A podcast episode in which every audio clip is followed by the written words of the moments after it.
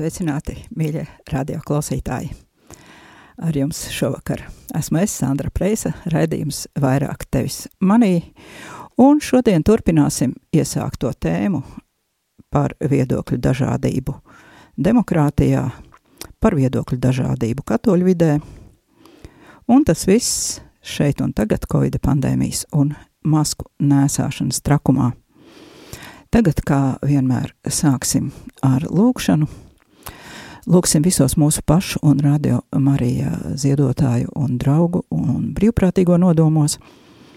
Lūksim par to, lai mums visiem kopā izdotos apturēt vīrusa izplatību.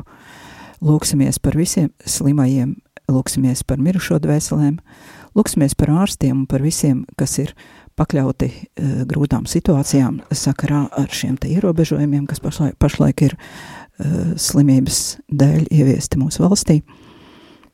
Lūksimies paši par sevi, lai mūsu dzīvē Dievs tiktu paaugstināts gan mūsu darbos, gan mūsu vārdos, gan arī mūsu klusēšanā.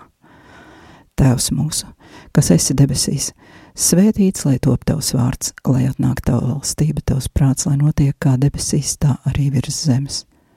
Mūsu dienascho maizi dod mums šodien, un piedod mums mūsu parādus, kā arī mēs piedodam saviem parādniekiem, un neieved mūsu kārdināšanā, bet atpestī mūs no ļaunā. Amen!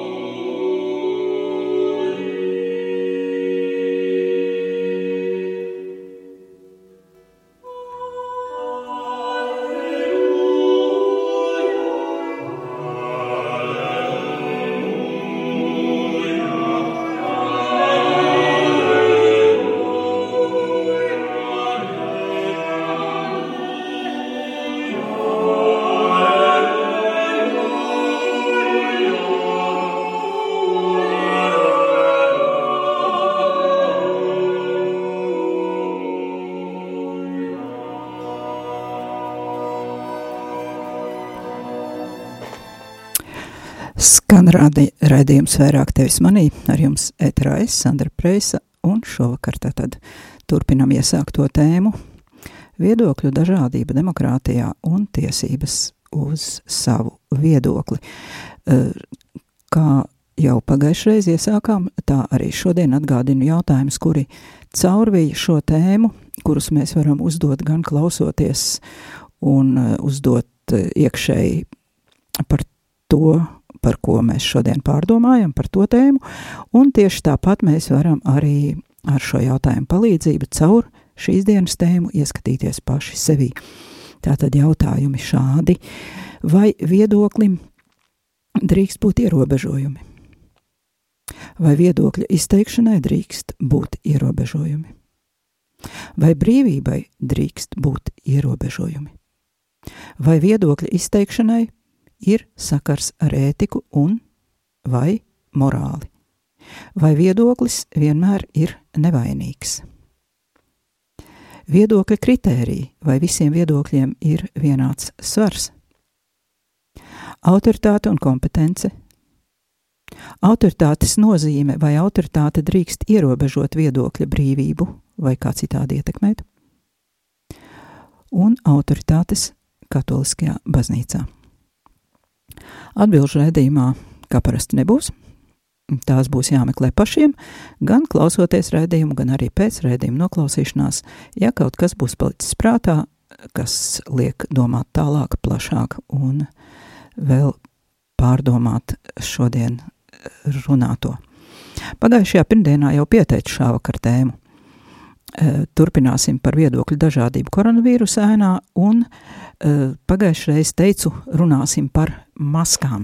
Bet šī runāšana par maskām nebūs eh, tāda ļoti tieša un vienkārša.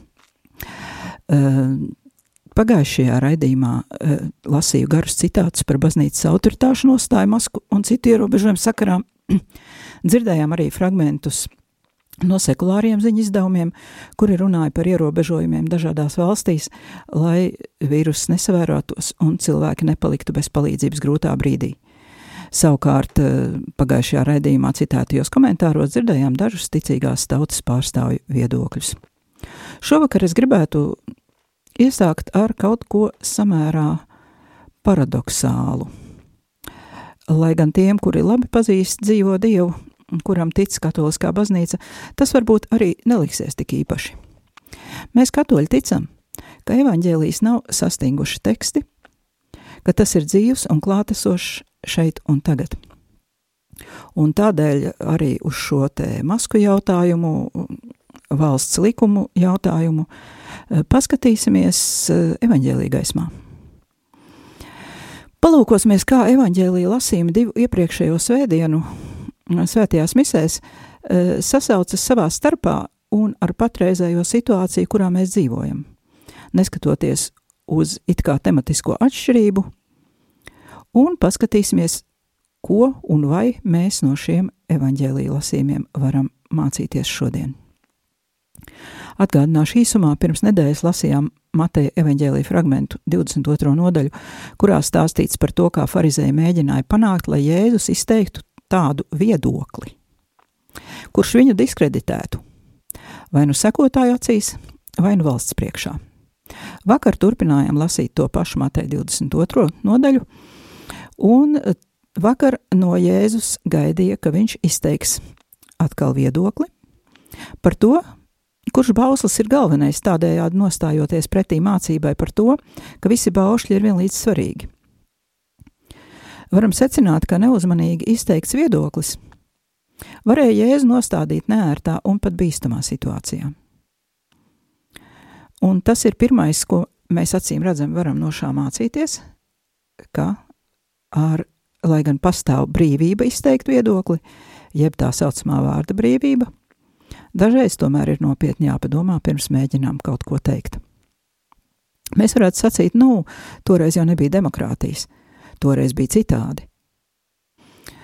Bet tagad vēl nedaudz par minētiem evaņģēlījumiem, un tad atpakaļ pie viedokļu dažādības. Uh, tomēr uh, droši vien, tas nebūs nemaz tik īsi, kā man gribētos, jo mm, es šos evaņģēlījus studējot un gatavojot raidījumu atklāju ļoti interesantas lietas. Man bija interesanti un varbūt būs arī jums nolasīšu tātad pirmo evaņģēlīju fragmentu, par ko runājām. Matejs 22 no 15 līdz 21, kur farizēji mēģina no Jēzus dabūt kādu viedokli. Tajā laikā farizēji bija aizgājuši un noturēja apspriedi, lai Jēzu pieķertu vārdos. Un tie sūtīja pie viņa savus mācekļus kopā ar herodiešiem sacīdami. Mācītāji, mēs zinām, ka tu esi patiess un Dieva ceļu māci patiesībā un ka tev nerūp kādam izpatikt, jo tu neraugies uz cilvēku personu. Tāpēc saki mums, kā tev šķiet, vai drīkst maksāt ķēzaram nodokli vai nē? Bet Jēzus sapratis viņa nekrietnību sacīja: Kāpēc jūs mani kārdinat liekuļi? Parādiet man nodokļu monētu. Un tie viņam atnesa denāriju. Un viņš tiem sacīja: Kā ir šis attēls un uzraksts? Tie viņam atbildēja ķēzara.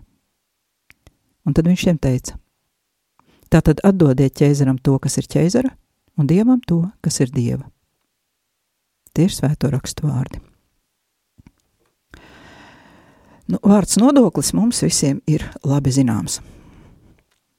Kad dzirdam vārdu nodoklis, daudziem rodas nepatīkamas asociācijas. Liekas, ka tā ir kaut kāda netaisnība, ka mums tiek atņemta naudiņa. Jo mūsu sabiedrībā arī valda viedoklis, populistisks viedoklis, ka nodokļi ir ļaunums paši sevī. Un mēs bieži aizmirstam, ka no nodokļu naudas tiek maksātas algas skolotājiem, policistiem, ārstiem, ugunsdzēsējiem, sociālajiem darbiniekiem un vēl daudziem citiem.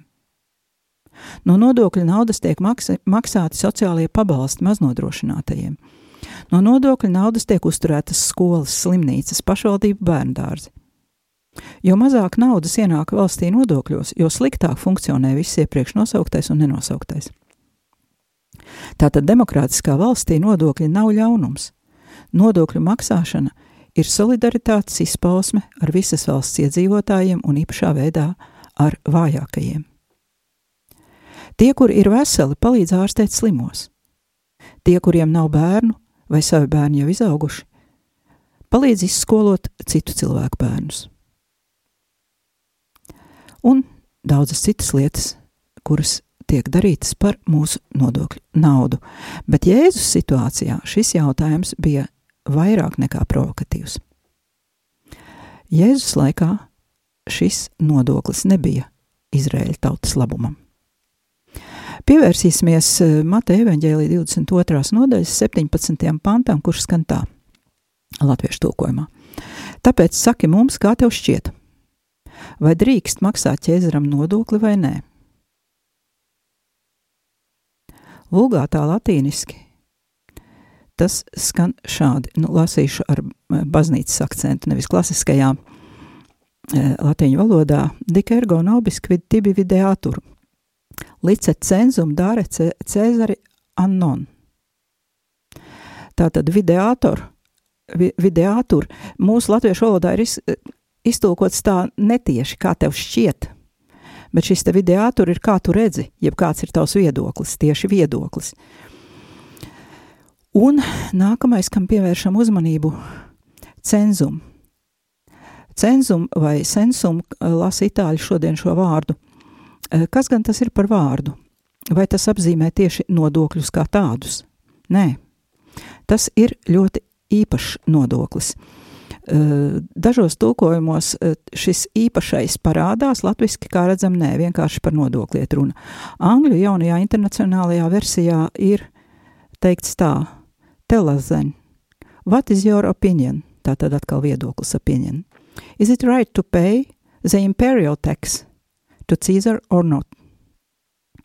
Tātad viņi saka imperial tax. Citos angļu tulkojumos sanākos ir vienkārši tax vai eh, kāds līdzīgs vārds, sinonīms vārdam nodoklis. Šajā uh, izdevumā ir piezīme. Uh, Mateja evaņģēlijā 22.17. Uh, šis speciālais nodoklis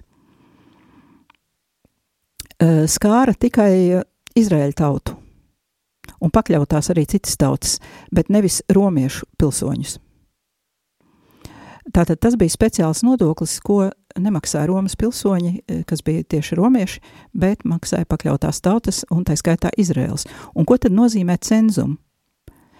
E, dzirdam līdzību ar vārdu cenzūra. Nu, es neesmu pētījusi etimoloģiju tik dziļi, lai pateiktu, mm, vai šie vārdi ir radniecīgi. E, taču šim vārdam census latīņu uh, sakne nāk tieši no Romas uh, republikas, un uh, census nozīmēja skaitīšanu. Tautas skaitīšanu, eh, kura tika, kur tika skaitīti kara, kara darbībai, kara klausībai derīgie vīrieši. Lai valstī būtu pilnīga uzskaita par to, ka, ja gadījumā izceļas karš, eh, tad kādas ir iespējas izveidot armiju, cik liela tā būs kara gadījumā. Lūk, un šis nodoklis, šis census nodoklis bija tieši domāts tam, lai varētu noorganizēt šo tautas skaitīšanu, tāpēc, ka tur bija jāorganizē tie, gan tie skaitītāji, gan visi tie rakstveži, kas tur visu pierakst un tā tālāk. Nu, lūk, Mūsu dienās tautas skaitīšana ir daudz plašāka nozīme un tā kalpo statistikas datu iegūšanai. Bet uh, filozofs uh, Džons Grondelskis, uh, kurš ir uh, asociētais dekāns uh, Amerikā Setonhols universitātē, uh, skaidro šo census nodokli šādā veidā. Šajā laikā Izraēlas neviens iet apspiešana Romas impērijā, kur simbolizēja šī monēta, jeb arī vulgātā tā saucas nomisma cenzus, jeb eh, cenzus nomināls. Izraēļa tautai bija ar, arī alerģija pret skaitīšanu, pret tautas skaitīšanu. Šī jutība ir atrodama jau Bībeles 4. grāmatā, skaitļu grāmatā, un arī aprakstā par Dāvida mēģinājumu veikt tautas skaitīšanu un Bībele to nosauc pat par sātanisku darbību, kas Izrēlim liek grēkot. Un tagad uh, es nolasīšu arī fragmentu no pirmās laiku grāmatas, 21. nodaļa, uh, viens no, jā, no 21. nodaļa. Un cēlās sātans pret Izrēlu un pavedināja Dāvidu saskaitīt Izrēlu. Un Dāvids sacīja Joābam tautas pārstāvjiem: Ejiet un skaitiet Izrēlu no Bēršebas līdz Danai un atnesiet man ziņas par viņu skaitu, lai es to zinātu. Un tad Joābs sacīja, lai tas kungs pie šiem ļaudīm, cik viņu tagad ir, pieliek simtkārtīgi. Mans kungs un ķēniņ, vai tad tie visi tomēr nav mana kunga kalpi? Kāpēc manam kungam tas būtu vajadzīgs? Kādēļ viņš uzliek tādu vainu Izrēlam? Bet ķēniņa pavēle Joābam bija neatsaucama, un Joābs devās ceļā un Jāps nodeva Dāvidam saskaitīto ļaužu skaitu. Un viss Izraels bija tūkstošais, tūkstoši simts tūkstoši vīru, kas spēja zobenu vēst, un Jūdā bija 470 tūkstoši vēru, vīru, kas spēja zobenu vēst. Dieva acīs šī lieta bija ļauna, un viņš sita Izraēlu. Un tad Dāvids lūdza Dievu: Es esmu ļoti grēkojis, ka esmu šo lietu darījis, bet tagad es tevi ļoti lūdzu, nepiemini savu kalpu noziegumu. Es tiešām esmu aplam rīkojies šī Izraēļa tautas naidīguma iemesls pret tautas skaitīšanu bija patiesībā ļoti vienkāršs. Dieva tauta bija dieva tauta, kuras skaitu viņš labi zināja. Gal galā Jēzus ir teicis, ka Dievs viņus ne tikai saskaitīja, bet viņš ir saskaitījis pat matus uz viņu galvām. Lūks 12.7. Cilvēku autoritātes, kas kaut kādā ziņā centās saskaitīt dievu tautu, mēģināja tādā veidā parādīt, ka tām ir vara pār to, kas pieder dievam. Šī skaitīšana zināmā mērā reducēja cilvēkus līdz ganāmpulka vai lietu, vai pat tikai ciparu vērtībai. Un šeit es gribētu iespraust arī salīdzinājumu ar to, kā, lai cilvēkus pazemot koncentrācijas nometnēs, viņus arī uh, apzīmēja tikai ar cipariem un viņiem atņēma vārdu. Un lūk, uh, Izraēlim uh, šī tautas skaitīšana tā tad likās kā tāds pazemojums, jo kāds cits, izņemot Dievu, mēģina viņiem uzkundzēties. Tomēr runājot par tautas skaitīšanu, šodien mēs lūdzamies rožu kroni, pirmo daļu, Kristus atnākšanas noslēpumus, un tieši runājot par Kristus piedzimšanu, mēs atceramies, kā Jāzeps un Marija devās uz Betlēmu, uz Dāvidu pilsētu, pierakstīties, jeb, precīzi runājot, viņi gāja piedalīties tautas skaitīšanā, un tā kā viņi bija no Dāvida cilts, tad viņiem bija jāiet uz Dāvida pilsētu, uz Betlēmi, lai viņus pieskaitītu tur. Un lūk, tā tad, eh, neskatoties uz to, ka Izrēlim bija liels naids pret šo tautu skaitīšanu, Jāzeps un Marija tomēr rādīja tādu lielu paklausības piemēru. E, taču šis te pats autors, kuru jau minēju, raksturojot tautas skaitīšanu Jēzus dzimšanas laikā, saka, kā poļu rakstnieks romāns Bransta, Bransteters svētā Jāzepa lūpās ir ielicis dievbijīga sašutuma vārdus un stāstījis, ka Dāvids ir iekš, Jāzeps ir iekšēji cīnījies ar ķeizara augusta laikā izsludinātās tautas skaitīšanas izraisīto morālo dilēmu. Un uh, rakstnieka darbā Jāzeps, uh, Jāzep mutē ir ielikt šādi vārdi. Izraēļa tauta ir dusmu un liela sašutuma pilna, un arī es tam esmu pievienojies savā sirdī, jo nav atļauts skaitīt Izraēlu kā lielopus, kurus gani gan pļavā.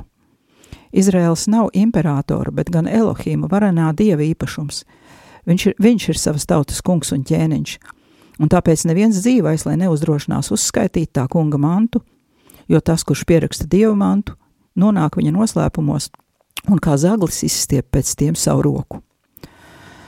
Mēs redzam, cik briesmīga šī farizēja radītā situācija, šis jautājums par šo cenzus nodokli bija Jēzum jo tas nebija kaut kāds nodoklis. Šis nodoklis tika izmantots, lai noorganizētu tautas skaitīšanu, kuru ienīda Izraels un kurai faktiski pret savu gribu, bet paklausībā padevās Jāzeps un Marija Jēzus piedzimšanas brīdī. Bet kā Jēzus iziet no situācijas? Viņš tomēr atbild, ka ķēzaram, kas ķēzaram un dievam, kas dievam. Un viņš to nesaka tāpēc, ka glābi savu ādu, bet gan tāpēc, ka Dieva tauta patiesībā stāv pāri šīm zemes lietām. Tāpat nav tēze par valsts un baznīcas nošķirtību. Dievs un Cēzars nevar tikt pielīdzināti viens otram. Viņi nekādā veidā nav un nevar būt līdzvērtīgi. Un tomēr Jēzus neaicina tautu uz sacelšanos pret tās valsts likumu, kurā šī tauta dzīvo. Jēzus neaicina nemaksāt nodokļus, Ne, ne tikai tādēļ, kā arī viņa tēvs un māte pakļāvās šim tautas skaitīšanas likumam, bet noteikti arī tādēļ, ka viņš domā tālāk un plašāk. Jo šajā brīdī, ja Izraēļa tauta saceltos, tā tiktu asiņaini apspiesta un no šādas sacelšanās neko neiegūtu. Un Jēzus domā par tautas kopīgo labumu, par to, lai tauta netiktu iznīcināta. Un tagad pāriem pie vakardienas lasījuma, kā jau teicu, ka šie lasījumi eh, kaut kādā veidā sasaucas. Un tūlīt jau arī sapratīsim, kāpēc. Tātad eh, Matejs 34 līdz 40. Tajā laikā farizēji dzirdot, ka Jēzus saducējs bija piespiedzis apklust, sapulcējās kopā. Un viens no viņiem, likumzinātājs, jautāja Jēzum, viņu pārbaudīdams: Mācītāji, kurš bausas likumā ir vislielākais? Un Jēzus viņam atbildēja: Tev būs mīlēt kungu savu dievu ar visu savu sirdi, ar visu savu dvēseli un ar visu savu prātu. Tas ir pirmais un vislielākais bauslis. Bet tam līdzīgs ir otrs. Tev būs mīlēt savu tuvāko kā sevi pašu. Šajos divos baušļos ir ietverts viss likums un pravieši. Tie ir svēto rakstu vārdi. Vispirms mēs redzam, ka Jēzus izsaka viedokli ko arī gaidīja jautājuma uzdevējs. Un tomēr šis viedoklis ir pavisam citādāks nekā tika gaidīts. Jēzus izsaka gudri savu viedokli. Viņš precīzi atbild farizējiem, viņi prasīja vienu bausli, un Jēzus arī vienu pateica. Uh, un tā tad atkal varam mācīties par to, kā pirms mēs savu viedokli izsakām. Mums ir ļoti jāapdomā arī ne tikai, ko mēs sakam, bet kādā veidā mēs sakam un kādas tam būs sekas. Bet kas tad vēl ir kopīgs šiem diviem lasījumiem? Tātad abos Jēzum uzdod jautājumu, abos gaida kaut kādu viedokli, ar kuru Jēzus pats sev iegāstu, un abās reizēs Jēzus iziet no situācijas, neiegāžot sevi. Bet, kā jau teicu, viņš neglābi savu ādu, viņš ar šo viedokli vēl mūs arī māca. Un kas tad vēl ir kopīgs šiem diviem lasījumiem tieši mūsu laikā, šeit un tagad, pandēmijas laikā? Abi šie viedokļi nodara mums kā pamācību, ko tad darīt mums. Vispirmām kārtām pakļauties valsts likumam, kurā mēs dzīvojam. Jo mūsu pakļaušanās līmenis šobrīd nav salīdzināms ar Jēzus laika Izraēļa tautas situāciju. Mēs dzīvojam paši savā valstī, nevis okupācijā, un mūs nespiež maksāt par kaut ko, eh, kas, kas ir mūsu, pret mūsu saprašanu un pret mūsu labumu.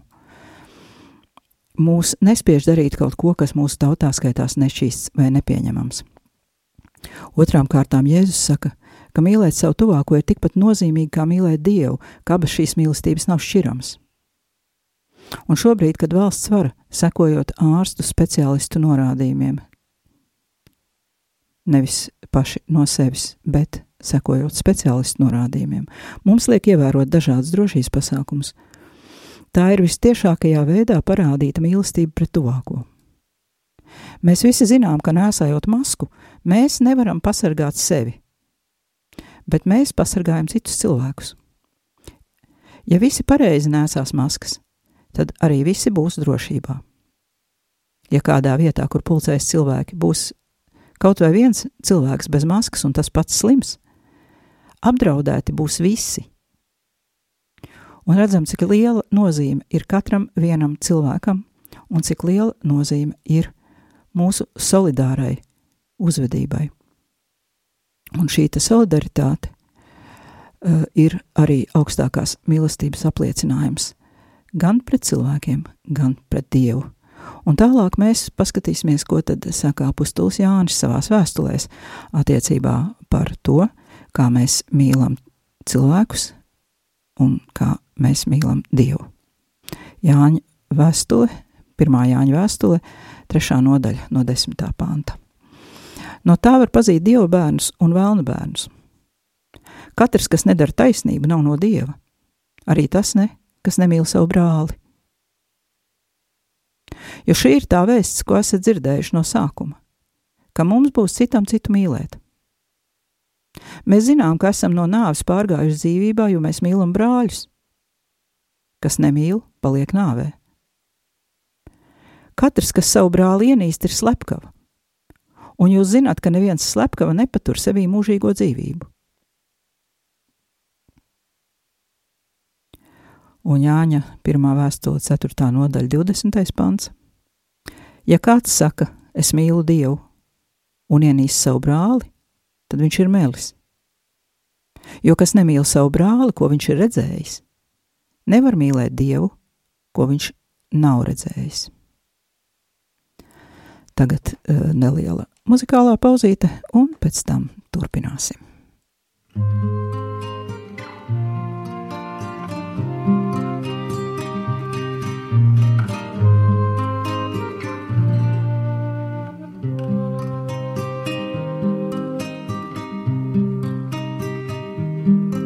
Sadīs ļaunums, kas sirdī dzēlies, sadīs ļaunums, kas sirdī dzēlies, bet tikai tad, ja Kristus tevī ir augšām cēlies. Ja Kristus tevī ir augšām cēlies.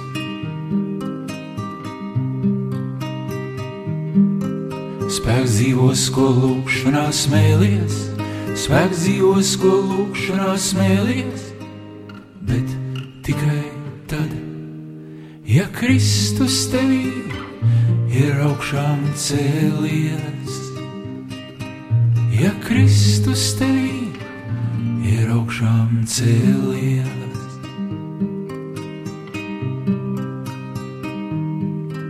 Prieks nezudīs pat ja tiksi tu pelts, prieks nezudīs pat, ja tiksi tu pelts, bet tikai tad, ja Kristus tevī ir augšām celts.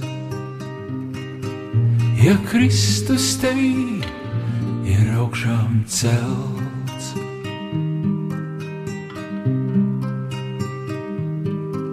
Pats slimības krusta ceļš nav velts, pats slimības krusta ceļš nav velts, bet tikai tad, ja Kristus tevī ir augšām celts.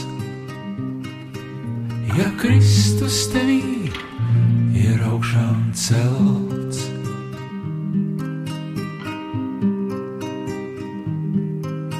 Tu izglābsies grēcinieki, ja vēlies Tu izglābsies grēcinieki, ja vēlies, bet tikai tad, ja Kristus tevī ir augšām cēlies.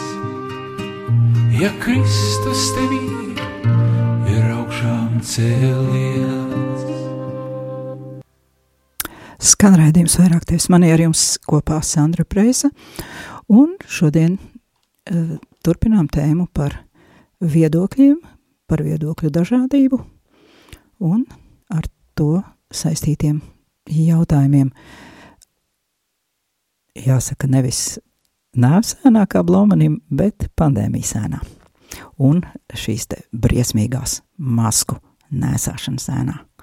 Uh, biju gatavojusies šodien uh, runāt, uh, izglītot jūs, arī tos, kas nezina, par tādu lietu kā Daninga Krīgera efekts.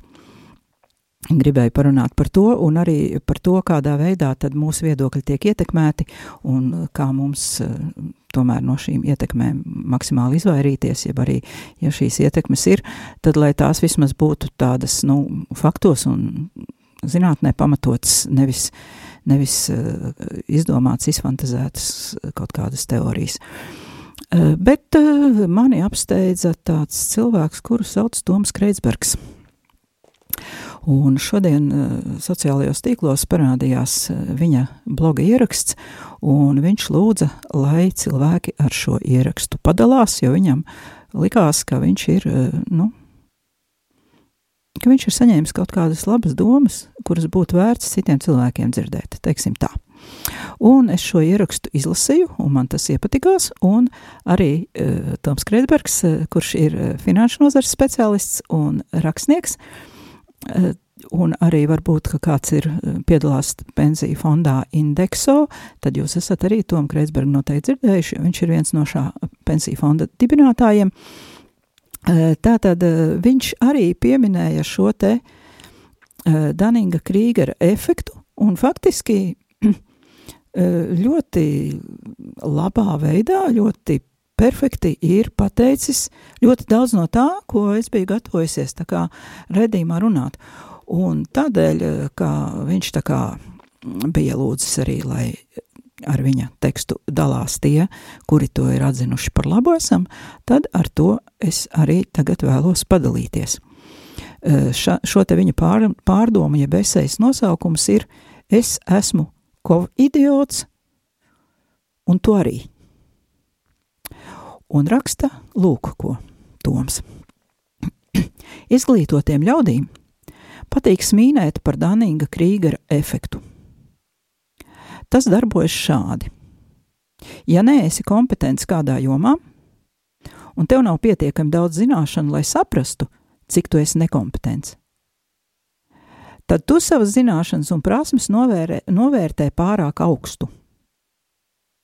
Jeb tautas valodā runājot, stulbenis ir pārāk stulbs, lai saprastu, ka ir stulbs.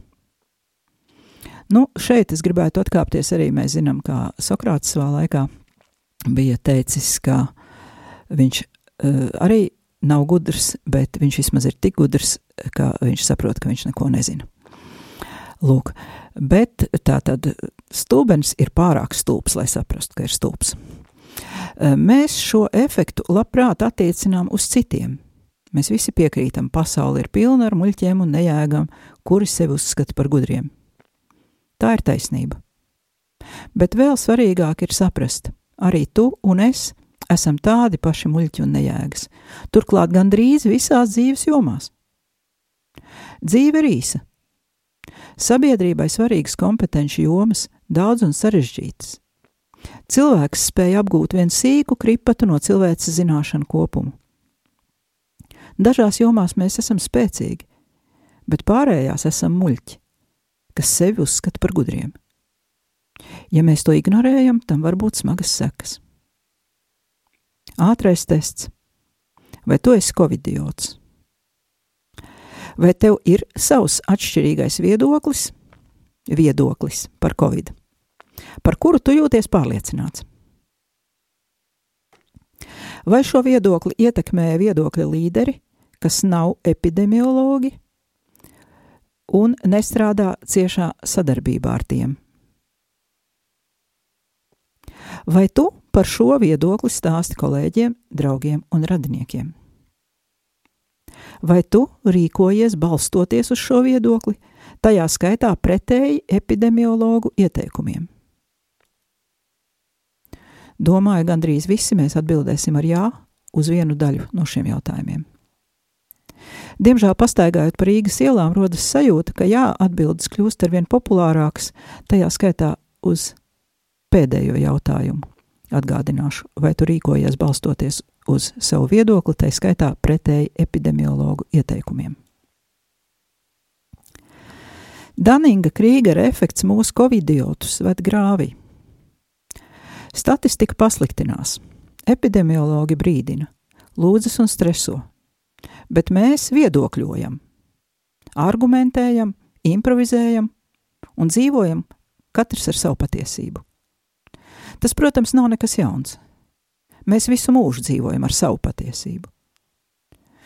Parasti sekas nav traģiskas. Mūsu sabiedrība ir pietiekami attīstīta un droša, lai mēs varētu atļauties regulāri ignorēt realitāti un tikt cauri sveikā. Bet dažreiz mūsu iedomu pasaule sadurs ar dabas likumiem, un tad ir ziepes. Vīrusu neinteresē tavs viedoklis. Epidēmija dzīvo reālajā, fizikas, ķīmijas un bioloģijas pasaulē, ne mūsu iedomās. Labākais veids, kā ar epidēmiju cīnīties, ir balstīts datos. Pieredze ievākt, analizēt, interpretēt un likt kontekstā šos datus ir epidemiologiem, nevis influenceriem, nevis ekonomistiem, aktieriem, mūziķiem, uzņēmējiem, blogeriem vai pat ķirurgiem, ģimenes ārstiem, urologiem, reanimatologiem vai citiem cienījamiem specialistiem. Tādēļ epidemiologi ir eksperti, kas mums ir jāklausās. Šobrīd, pēc pusgada dzīves ar vīrusu, epidemiologi visā pasaulē piekrīt, ka situācija ir ārkārtīgi nopietna. Arī rekomendācijas visā pasaulē ir līdzīgas. Šeit ir izvilkums, šeit būs izvilkums no Pasaules veselības organizācijas mājaslapas. Tātad, ko visā pasaulē vienu un to pašu saka epidemiologi? Ievēro distanci, valkā masku arī uz deguna, ventilē telpas, izvairies no pūļiem, mazgā rokas, klepo elkonī vai papīra lakatiņā, ja jūties slims, paliec mājās, klausi vietējām rekomendācijām, kuras pielāgotas vietējai situācijai. Turklāt ir jādara visas šīs lietas, nevis jāizvēlas tikai ērtākās. Piemēram, vilkt masku nenozīmē, ka vari neievērot distanci. Ievērot distanci nenozīmē, ka tu vari nemazgāt rokas. Laika gaitā nākot klāt jauniem datiem, rekomendācijas var mainīties. Tomēr šobrīd šie ir labākie ieteikumi, kas mums ir pieejami, balstoties uz zinātniskiem datiem par reālo pasauli. Covid idiotisma sekas arī ir skaidrs. Presi ziņo, Covid idiotisma pasaules centrā ASV Tiešā un netiešā veidā uz vīrusu attiecināmas ap 300 tūkstoši papildu nāves, kas savādāk nebūtu notikušas. Uz Latvijas iedzīvotāju skaitu ekvivalents būtu 1700 nāves, ja mēs rīkotos kā ASV un ja mums būtu līdzīgas sekas. Tas būtu kā Zolītūdas traģēdija 32 dienas pēc kārtas. Tepat Čehijā šobrīd dienā no covid mirst ap simts iedzīvotājiem ja mēs salīdzinātu to pret Latvijas iedzīvotāju skaitu, tie būtu vairāki desmiti. Lūdzu, saproti, ka tu esi covidiots un beidz tēlot gudro. No visas sirds to lūdzu visiem saviem draugiem, paziņām un lasītājiem.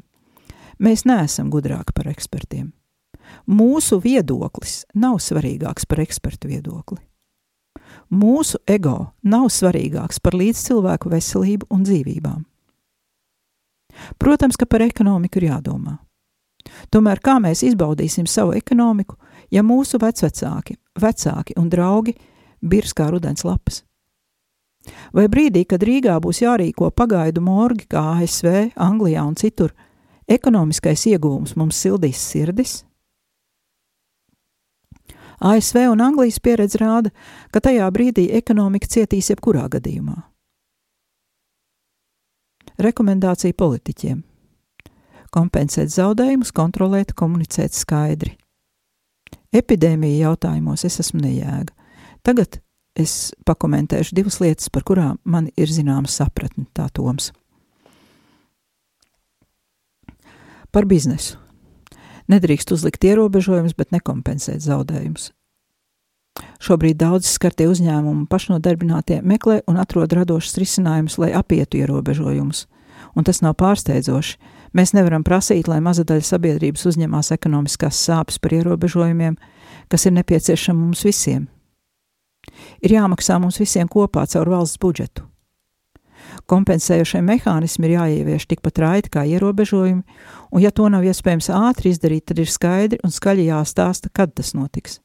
Tad, kad būs ieviest efektīvi kompensācijas mehānismi, sabiedrība daudz saprotošāk uztvers ierobežojumus un to kontroli. Par komunikāciju. Nedrīkst baidīties runāt patiesību arī tad, ja tā nav populāra. Vēlme vienmēr runāt tikai laba ziņas būs fatāla. Kamēr mēs braucam grāvī, vadošie politiķi nedrīkst runāt bīgi un aplinkus. Šis ir brīdis skaidrai un skaļai komunikācijai, tieši tautas uzrunāšanai. Kaut iknedēļas Facebook laiva ar premjerministru, prezidentu vai veselības ministru. Spilgt līderi krīzē var izkalt reputāciju, kas paliks uz gadiem. Savukārt tie, kas klusē un baidās, sev nopelnīs citu reputāciju. Jo bezdarbībai būs sekas. Pēc tam visi atcerēsies, kas bija pie stūres, kad iebraucām grāvī, bet mēs pārējie sekosim ekspertu rekomendācijām. Citāta beigas. Tas bija Toms Kreitsbergs ar savām pārdomām par Covidu un par to, cik ļoti patiesībā mēs esam lieli Covid idioti, jo lielākā daļa no tiem cilvēkiem, mūsu pašus visus katru vienu ieskaitot, neesam speciālisti eh, jautājumos par to, kā izsargāties no pandēmijas un kā atrisināt šo situāciju. Savukārt, runājot par kompensācijām, mēs varam domās atgriezties pie tā, ko mēs dzirdējām par nodokļiem Eh, ko teica Jēzus un kas tad ir ar to eh, nodokļu maksāšanu valstī. Un eh, nobeigšu atkal ar tiem pašiem jautājumiem, ar kuriem iesākām, un iespējams, ka nākamajā reizē vēl paturpināsim šo tēmu no cita skatu punkta. Tātad, vai viedoklim drīkst būt ierobežojumi? Vai viedokļa izteikšanai drīkst būt ierobežojumi? Vai brīvībai drīkst būt ierobežojumi? Vai viedokļa izteikšanai ir kāds sakars ar ētiku un vai morāli? Vai viedoklis vienmēr ir nevainīgs? Kritērija. Vai visiem viedokļiem ir vienāds svars? Autoritāte un kompetence, autoritātes nozīme, vai autoritāte drīkst ierobežot viedokļu brīvību, un autoritātes katoļu baznīcā. Un papildus varam vēl sev pajautāt, vai izmantojot savu brīvību, es radikāli nepārkāpju citu cilvēku brīvību. Ar to tad šovakar arī beigsim. Tā tad jautājumu ir daudz. Atbildes meklējam, turpinam meklēt līdz pat nākamajam raidījumam. Ar jums kopā biju es, Sandra Preisa, raidījums vairāk tevis. Manī izskan uz sadzirdēšanos nākamajā pirmdienā.